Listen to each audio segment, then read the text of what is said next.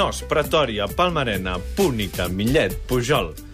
Aquests són uns noms que hem acostumat a sentir-nos en els últims mesos, casos de corrupció. I avui amb el Francesc Torralba parlem de la corrupció. Francesc, bona tarda, com estàs? Bona tarda, molt bé. Uh, hi ha la sensació que tot és corrupte, que vivim en un sistema corrupte. Sí, aquesta és la De dalt a sensació. baix. I a més a més no hi ha motius per pensar que és diferent a jutjar pel que apareix setmana rere setmana en els mitjans de comunicació social. A vegades és un cas aquí, a vegades és un cas allà, un ajuntament, una diputació, un expresident, és a dir, constantment estem esquitxats per casos d'aquesta naturalesa que fa que pensem que vivim una situació de corrupció estructural o endèmica o institucionalitzada. Vaig a subornar els nostres oients. Si ens feu arribar la vostra opinió, podeu guanyar un cistell de productes Capravo, amb productes de les marques Bell, Selectia i Sanya. 93 Que no és corrupte. 474 la tribu arroba catradio.cat, Facebook i Twitter. Al Facebook l'Albert ens diu no tots els polítics són corruptes, Esclar però que no. tenen la corrupció allà.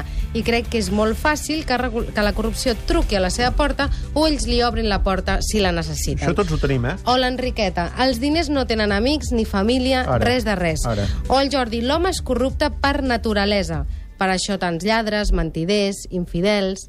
L'home és corrupte per naturalesa, Francesc? No, no, jo no, això no ho afirmo de cap manera. L'ésser humà és ambigu per naturalesa. Vol dir que pot ser corromput i pot no ser-ho. En el procés de corrupció sempre hi ha el corruptor, mm. que és el que intenta corrompre, i hi ha el subjecte corromput, que és aquell que s'ha deixat corrompre. Per quin motiu? L'econòmic, una preferència, però hi ha persones que intenten corrompre amb un bon malatí, eh, ple de bitllets, i l'altre no es corromp. Diu, no, escolta, jo no puc desviar-me de la meva feina, la meva rectitud em demana això. Des del punt de vista èstic, és eh, més censurable una actitud que una altra? La del que corromp o la del corromput? Eh, tradicionalment parlem del, del pecat d'acció i del pecat d'omissió, no? Diu, home, el que la fa, lògicament, té una causa i és greu, no? Però el que es deixa fer-ho també és corresponsable d'això. És a dir, si el corruptor va amb, un, amb una maleta plena de bitllets i va intentant i tothom li diu que no, al final no podrà corrompre ningú. Però si hi ha una persona que diu, home, amb aquests bitllets tu acabaria de pagar el pis, acabaria de pagar això, tindria una segona residència, podria tenir una piscina, i escolta, això al capdavall ningú se n'adonarà. Perquè això depèn de mi. Jo sóc un jutge, jo decideixo, jo sóc un polític, jo decideixo a qui adjudico aquests terrenys o a qui adjudico aquesta obra, no? Per tant, si hi ha persones eh, corruptes, pot ser que no hi hagi corromputs, però eh, jo diria que no es pot dir que preferentment el responsable és el corruptor. El corromput també és responsable la mesura que s'ha deixat corrompre per una suposada benefici econòmic o un benefici de l'ordre que sigui. Parlem sobretot dels casos de corrupció política, els que han aparegut en la llum i que, que s'estan investigant, la majoria són casos de corrupció política. Però, per exemple, en l'àmbit privat hi ha també molts casos de corrupció. Corrupció Sí. dins de les empreses, per exemple. Sí, i a vegades són molt farisaics, no? Terriblement farisaics i maniqueus, no? Fixem l'atenció en la corrupció política i aquí ens tots ens freguem les mans i diem és que són bruts, és que són bruts, és que tots són bruts, no?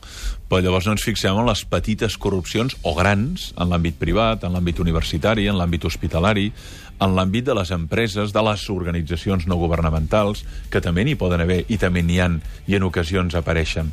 Però aquestes no centralitza tant l'atenció, perquè el que ens dol molt és l'ús indegut dels recursos públics. Per això aquí el que demanem a les institucions públiques és transparència, és claredat, és que siguin diàfanes. Però hauríem de pensar també que les institucions privades haurien de treballar també per ser diàfanes i transparents, i almenys aquelles que són haurien de veure reconegut aquest treball. Si no, sembla que tota la corrupció es concentra Sí. en l'àmbit polític, i això és un error de mides, i en el fons és una actitud molt farisaica. N'hi ha molta més enllà de l'esfera política. Em fa molt mal l'esquena. I vull que, em dius, fa... Sí, i vull que, em facin, vull que em facin una prova. I les llistes d'espera per aquesta prova són llarguíssimes. Ah. Tinc un tiet que treballa a l'hospital. ara, ara, Ja te la ja, som, ja som, veig. ja som. Ara em I preocupaves. si jo tingués És la que meva... molt mal. I si jo tingués la meva filla a classe? Ara. O estigués examinant la meva dona a classe? Mm. No seria fàcil que em pogués corrompre? I, home, escolta, eh, ningú se n'adonarà. De l'examen el llegeixo jo.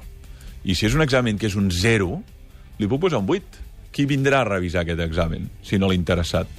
Per tant, tota persona que gestiona un petit poder, de sigui un fisioterapeuta, sigui un metge, sigui un professor, naturalment un jutge o un polític, és fàcil que es pugui corrompre per un interès que el fa desviar de la seva rectitud i que jo posés un buit a una persona que perquè és la meva família o la meva filla o la meva esposa no se'l mereixés. Això seria injust per aquell que ha estat estudiant dos mesos aquell examen, però no és familiarment. Igual meu a les, a les llistes d'espera. Sempre em pregunto, escolti, per què els familiars de professionals de la salut molt sovint no fan cua?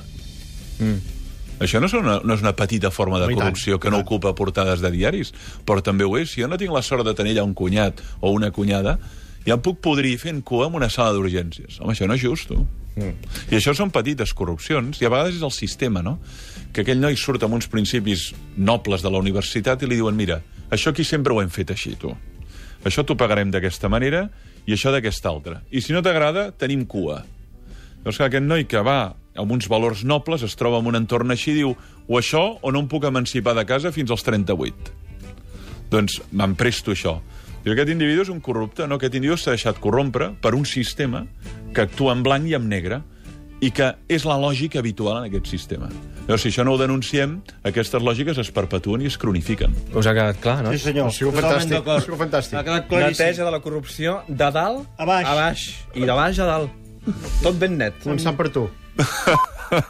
Gràcies, Francesc. Fins la setmana que ve. Fins la setmana que ve.